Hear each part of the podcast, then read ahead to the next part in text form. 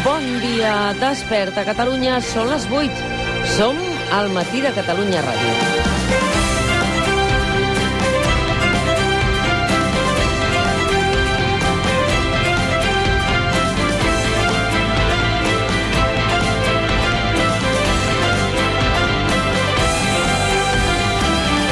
Portada del País d'avui. El CNI disposa del programa que va espiar el mòbil del Torrent. Els serveis d'intel·ligència defensa que només actuen quan tenen permís judicial. Aquest matí en parlarem d'aquesta qüestió amb Ernest Maragall, perquè ell i el president del Parlament, Roger Torrent, es querellaran contra l'exdirector del CNI, Fèlix Sanz Roldán.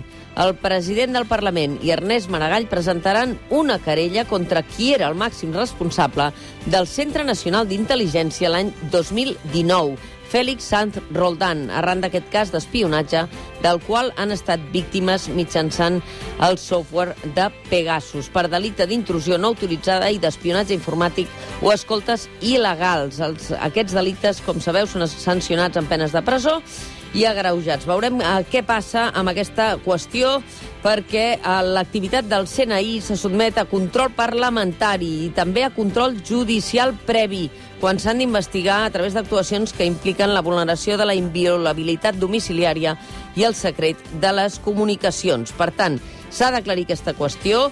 El ministre Campo ja hi ha dit la seva, ara ho sentirem. Aquesta és una de les grans incògnites que tenim sobre la taula, eh, que retraten el dèficit democràtic de l'Estat. L'altra és la situació de la monarquia, com sabeu, l'escàndol dels comptes i el blanqueig de capitals per part del rei emèrit. Són dos esquerdes duríssimes que té l'Estat damunt la taula.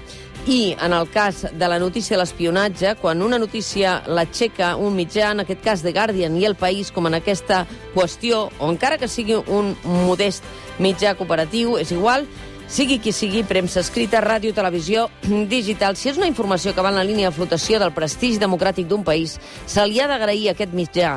I, evidentment, la resta ajudar-hi. Nosaltres avui parlarem amb Ernest Maragall, però ahir vam entrevistar John Scott del Citizen Lab. Entre tots hem d'ajudar-nos a aclarir tant com puguem les coses, és el que en diem la vigilància mediàtica del poder i tant és qui sigui protagonista si és que contribueix a millorar la societat en què vivim. Per tant, en aquesta ocasió hem de donar les gràcies al País i al Guardian perquè hagin posat llum i hagin destapat aquesta qüestió.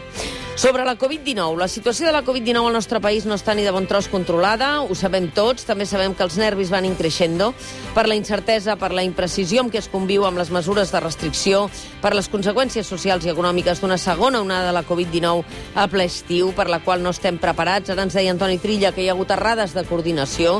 Alerta, doncs, perquè el rastreig personal és molt difícil que s'aconsegueixi hores d'ara amb la quantitat de casos que hi ha damunt la taula.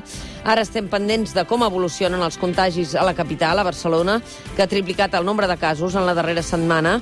No hi haurà confinament, però es prendran mesures. S'han hagut de prendre l'Hospitalet, com sabeu, i amb més duresa en casa encara el Segrià. Tenim un miler de casos nous en un sol dia arreu del país. I què hem de fer entre tots? Doncs fer el que hem de fer. No, no cal dir massa més. Ho diem cada dia, des de fa molts mesos. Penseu en segons, si us plau. Hem de vetllar tant com puguem per la nostra economia, sí, però amb molta prudència, amb seguretat i amb responsabilitat, perquè, com ens deia Antoni Trilla ara fa un moment, no podem deixar que aquest Covid-19, que aquest coronavirus campi. Sabem prou bé el que hem de fer i el que no hem de fer. Siguem responsables, si us plau.